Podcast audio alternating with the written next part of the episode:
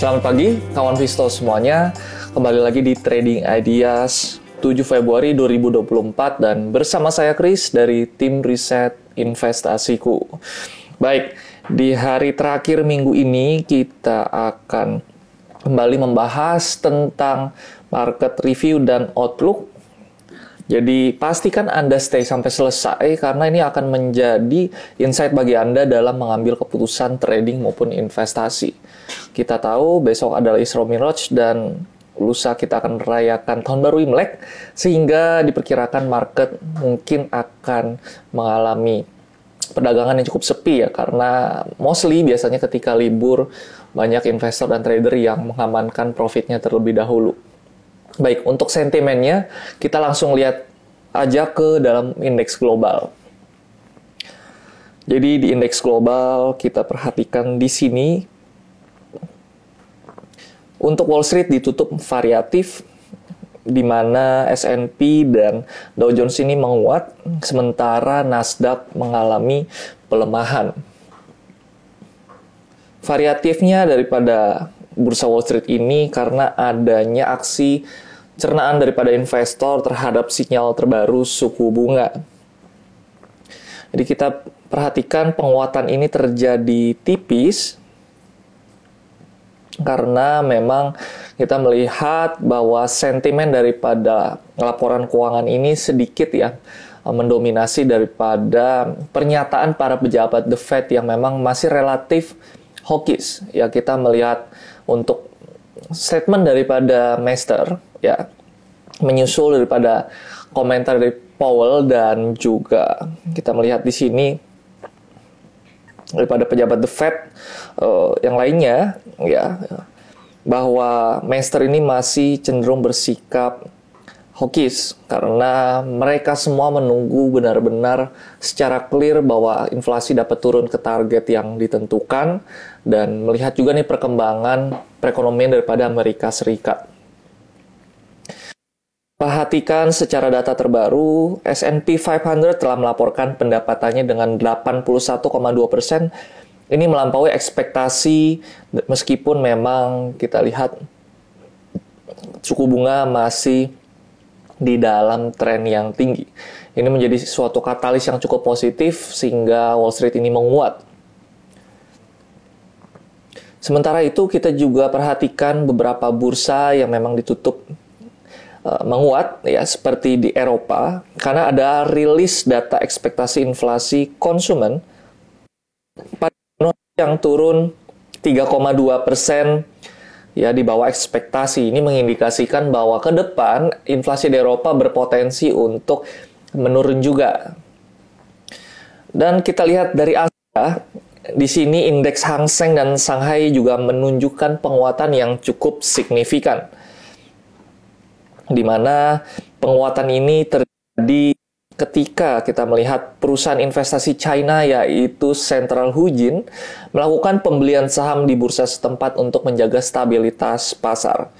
Ya, sebenarnya hal ini dilakukan sebagai wujud komitmen daripada dukungan dari otoritas setempat terhadap pasar ekuitas yang sempat terkoreksi akibat efek daripada Evergrande ya yaitu krisis properti yang masih menjadi tekanan ya, membuat tekanan bagi perekonomian mereka. Termasuk ini juga efeknya akan terdampak pada bursa yang ada di Asia bahkan global. Itu dari sentimen eksternal dari mancanegara lalu kita masuk ke dalam sedikit komoditas di mana di sini komoditas uh, menguat tipis atau moderat ya karena beberapa hal yaitu imbas risiko konflik geopolitik yang masih tinggi dan juga di sini ya kita melihat bahwa sebenarnya investor ini mengabaikan kemungkinan penurunan suku bunga ya menyusul komentar daripada pejabat The Fed. Nah, hal ini tentunya mendorong US dollar akan menguat potensinya dan biasanya permintaan minyak akan tertekan sehingga harga juga akan sulit untuk naik. Sehingga ini mengalami penguatan tipis pada WTI dan juga pada brand. Lalu kita juga melihat ya di hari ini akan ada rilis dari balance of trade atau neraca dagang untuk Amerika Serikat yang akan menjadi penggerak bursa termasuk hasil daripada ekspor dan impornya. Di sisi lain kita melihat untuk IHSG ini ditutup kita coba lihat pantau ya top gainer dan losernya Oke. Okay. Jadi kita perhatikan untuk gender dan loser di, memang ditutup ya di sini dari sektor properti dan infrastruktur yang memimpin di atas satu persen. Ya, dan net buy asing kita lihat cukup besar ya, hampir satu triliun, sekitar 764 miliar, di mana akumulasi terbesar masih dilakukan di saham perbankan Big Bang. Oke, okay? yaitu BRI, BCA, BMRI, dan BBNI. Tetapi kita perhatikan sentimen dalam negeri terlihat masih sepi kemarin. Ya, jadi memang investor berfokus kepada sentimen eksternal yang mempengaruhi pergerakan IISG. Khususnya di sini kita lihat dari China, ya kita masih singgung sedikit ya bahwa secara bertahap otoritas setempat melakukan atau merealis, merealisasikan dukungan kebijakan untuk developer properti raksasa dengan tujuan agar terjadi namanya percepatan pemulihan ekonomi. Ya, jadi kita uh, perhatikan komitmen daripada otoritas dalam meningkatkan likuiditas, ya, menurunkan giro wajib minimum, dan juga untuk pengawasan perdagangan short selling. Ya, tujuannya apa? Ya, untuk yang nanti akhirnya merangsang perekonomian dan juga menopang daripada penurunan uh, pasar saham yang ada di China sehingga ini akan berdampak positif dan menjadi angin segar untuk IHSG khususnya karena Indonesia masih menjadi mitra dagang terbesar China ya. khususnya sepanjang 2023 sebanyak 25% ekspor Indonesia adalah ke China sehingga memang perekonomian di negara tersebut akan berpengaruh kepada perekonomian dalam negeri. Untuk hari ini, IHSG akan diproyeksikan menguat ya didorong oleh rilisnya cadangan devisa eh, periode Januari dan memang ekspektasinya menurut Pak Market adalah di angka yang masih positif. Jadi secara price action untuk proyeksi IHSG akan berpotensi menguat ke 7268 sampai sampai dengan range support di 7186. Baik, itu untuk review dan outlook di hari ini. Kita masuk ke sesi stock pick ya untuk trading ideas dan juga pertanyaan. Jadi silakan drop di kolom komentar, akan nanti saya analisakan. Baik, sebelum kita masuk, ini semua disclaimer on untuk outlook maupun untuk uh, kita lihat stock pick di sini karena Anda dianggap sudah mengerti dan juga memahami risiko terkait investasi dan trading ketika melihat trading ideas ini. Jadi Anda diharapkan dapat secara cara bijak ya mengambil keputusan uh, dari informasi yang saya berikan. Mari kita mulai ke stock pick yang pertama.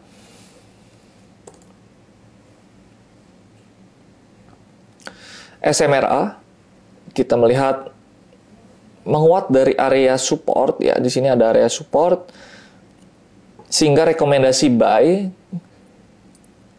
dengan entry level 545 sampai 555 take profit 570 sampai 580 stop loss 530 kita ke Excel. XR terlihat membentuk suatu pattern bullish scallop dengan volume yang uh, dia naik di atas rata-rata dan juga stochastic yang masih menguat dan kita berikan rekomendasi dengan buy Excel di 2320 sampai 2370 take profit 2400 sampai 2450 dan stop loss 2260 sebelum kita ke stock pick yang ketiga kita bahas sedikit. Ada pertanyaan yang masuk ternyata oke. okay, DSSA ya outlooknya masih ada potensi melemah ya melemah ke area 110 950 karena secara price action harga sudah break daripada garis MA 20. Jadi dengan tingkat likuiditas yang memang masih kita lihat sedikit kita bisa hindari saham-saham seperti ini terlebih dahulu ya. Bukan saya bilang perusahaan ini buruk, tetapi secara likuiditas itulah yang akan menggerakkan market. Jadi berhati-hati dengan pergerakan harga yang sedikit likuiditas. Kita lihat untuk Cepin, kita sudah rekomendasikan dan sudah take profit, kira-kira bisa naik sampai ke area berapa? Pertanyaan. Oke. Untuk kenaikan Charon Pokpan, di sini ada area resisten yang bisa dikejar yaitu di 4960 ya, dengan catatan ya jangan langsung Anda buy ya ketika Anda mendengarkan akan naik sampai berapa. Potensi naik ke 4960 ya selama bertahan di atas support 4710 kalau terembus 4710 gimana? Ya nggak akan naik sampai ke target yang saya tentukan tadi karena ini adalah outlooknya jangka pendek. Ya bisa aja turun dulu baru naik ya. tetapi selama di atas 4700 masih possible ke area 4960. Ada pertanyaan dari Antam, terlihat uh, Antam ini breakdown daripada area support kuat dengan potensi penurunan yang lebih dalam lagi. Ya, kita bisa coba ukur Antam ini akan turun sampai ke area mana.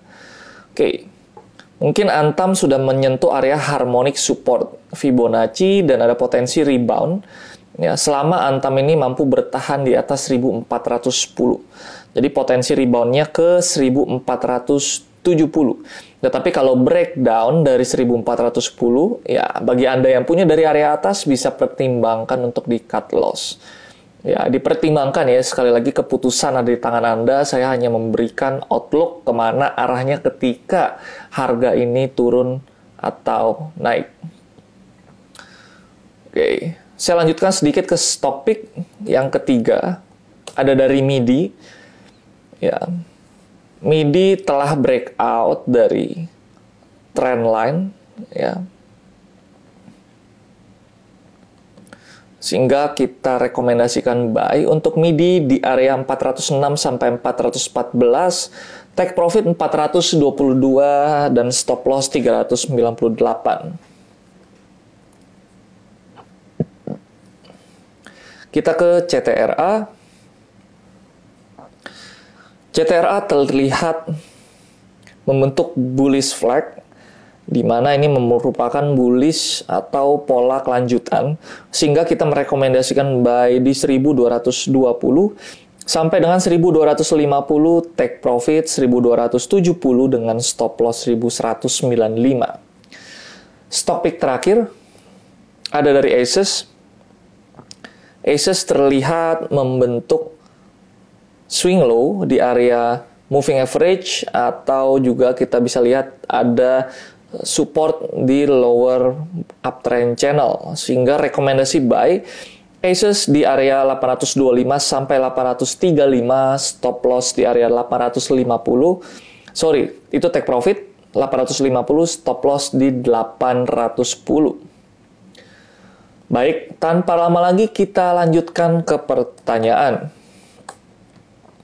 Sido terlihat masih short term bergerak downtrend ya secara short term dengan area support 498 dan resisten 510 Sido diperkirakan masih akan bergerak sideways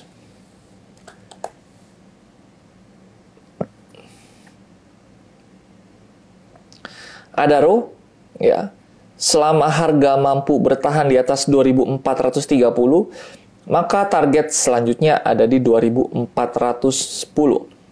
Ya. Oke. Itu Adaro. ADMR. Oke. ADMR hati-hati kalau hari ini mengalami penurunan atau break daripada harga 1435, perhatikan, break 1435 harga akan turun menguji area 1385 dan membentuk pattern double top. Jadi hati-hati karena secara price harga sudah di atas resistennya. SSMS ya SSMS juga kita sempat rekomendasikan ya tetapi tidak kena area entry ya jadi di untuk SSMS ini area entry terkena ketika di sesi-sesi terakhir. Bagi Anda yang sudah masuk, ya hold aja selama SSMS ini bertahan di atas 1145. Resisten terdekat di 1270. BNGA sedang sudah menjadi rekomendasi kemarin dan masih terlihat sideways ya belum ada pergerakan sehingga range harian ada di 1785 dengan support 1745.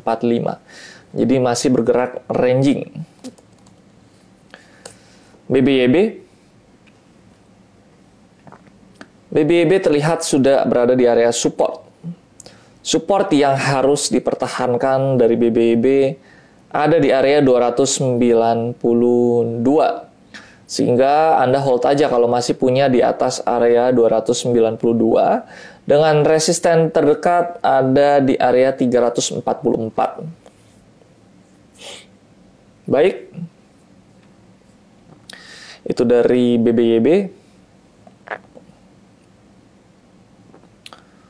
Oke, informasi saya berikan sementara menunggu pertanyaan yang masuk lagi. Bagi Anda yang ingin tahu promo terkait MPC Point, uh, Anda bisa untuk lihat Instagram kita dan klik link yang ada untuk melihat keuntungan apa saja di MPC Point tersebut ya. Semakin banyak Anda transaksi, Anda akan mendapatkan MPC Point dan bisa Anda gunakan untuk membeli reksadana atau redemption dan juga bertransaksi di seluruh Mersan Citicorp. Jadi pastikan tingkatkan transaksi Anda. Dan juga tidak lupa kita akan ada episode EduFest yang memang secara berseris akan dirilis setiap minggunya dan ini terkait edukasi daripada analisis teknikal dan fundamental. Jadi pastikan Anda tonton dan ikuti channel YouTube Investasiku untuk konten yang menarik. Di situ juga kita punya podcast dan juga beberapa review reksadana yang bisa Anda lihat sehingga Anda bisa mengambil keputusan investasi maupun trading sekaligus belajar teknikal bersama channel kami. Baik, itu aja untuk informasinya. Kita masuk ke dalam pertanyaan yang sudah ada. Oke, UNTR masih berpotensi bergerak sideways. Jadi range harian ada di 22.600 sampai dengan 23.200. Oke, era telah breakout dari area resisten, tetapi hati-hati, bisa aja ada aksi profit taking, tetapi boleh di hold selama harga masih di atas 442. Dengan target resisten berikutnya, ada di sekitar area 472. Ya, jadi masih uptrend untuk era.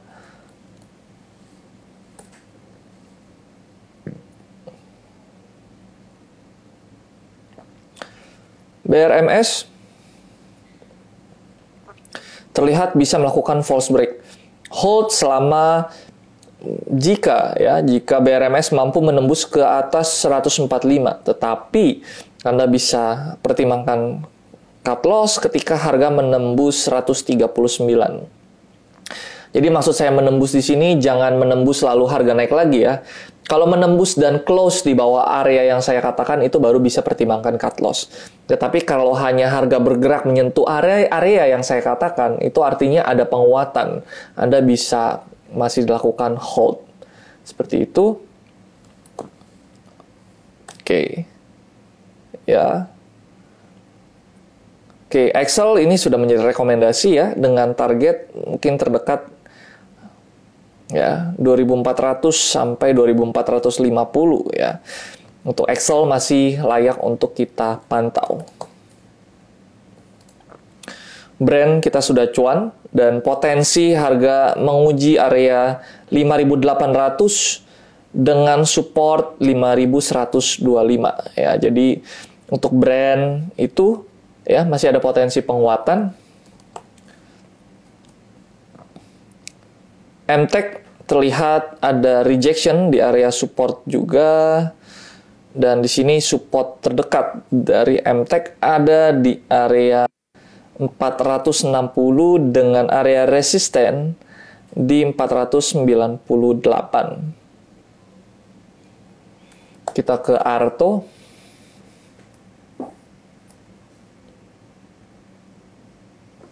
Arto terlihat masih ada tekanan dengan potensi pelemahan ke area 3000 selama Arto tidak mampu menembus 3140. Oke. Kita ke film. Film terlihat masih akan bergerak sideways dengan rentang harian 5650 dan resisten 6150. Baik, apakah ada pertanyaan lagi yang masuk? Oke, mungkin itu saja untuk trading ADS hari ini. Terima kasih bagi Anda semua yang sudah stay sampai akhir dan pastikan gunakan trading ADS ini secara bijak agar investasi dan trading Anda dapat maksimal. Dan sampai jumpa di pekan depan pada trading ADS selanjutnya. Saya Chris pamit undur diri dari tim riset investasiku karena investasiku for better tomorrow.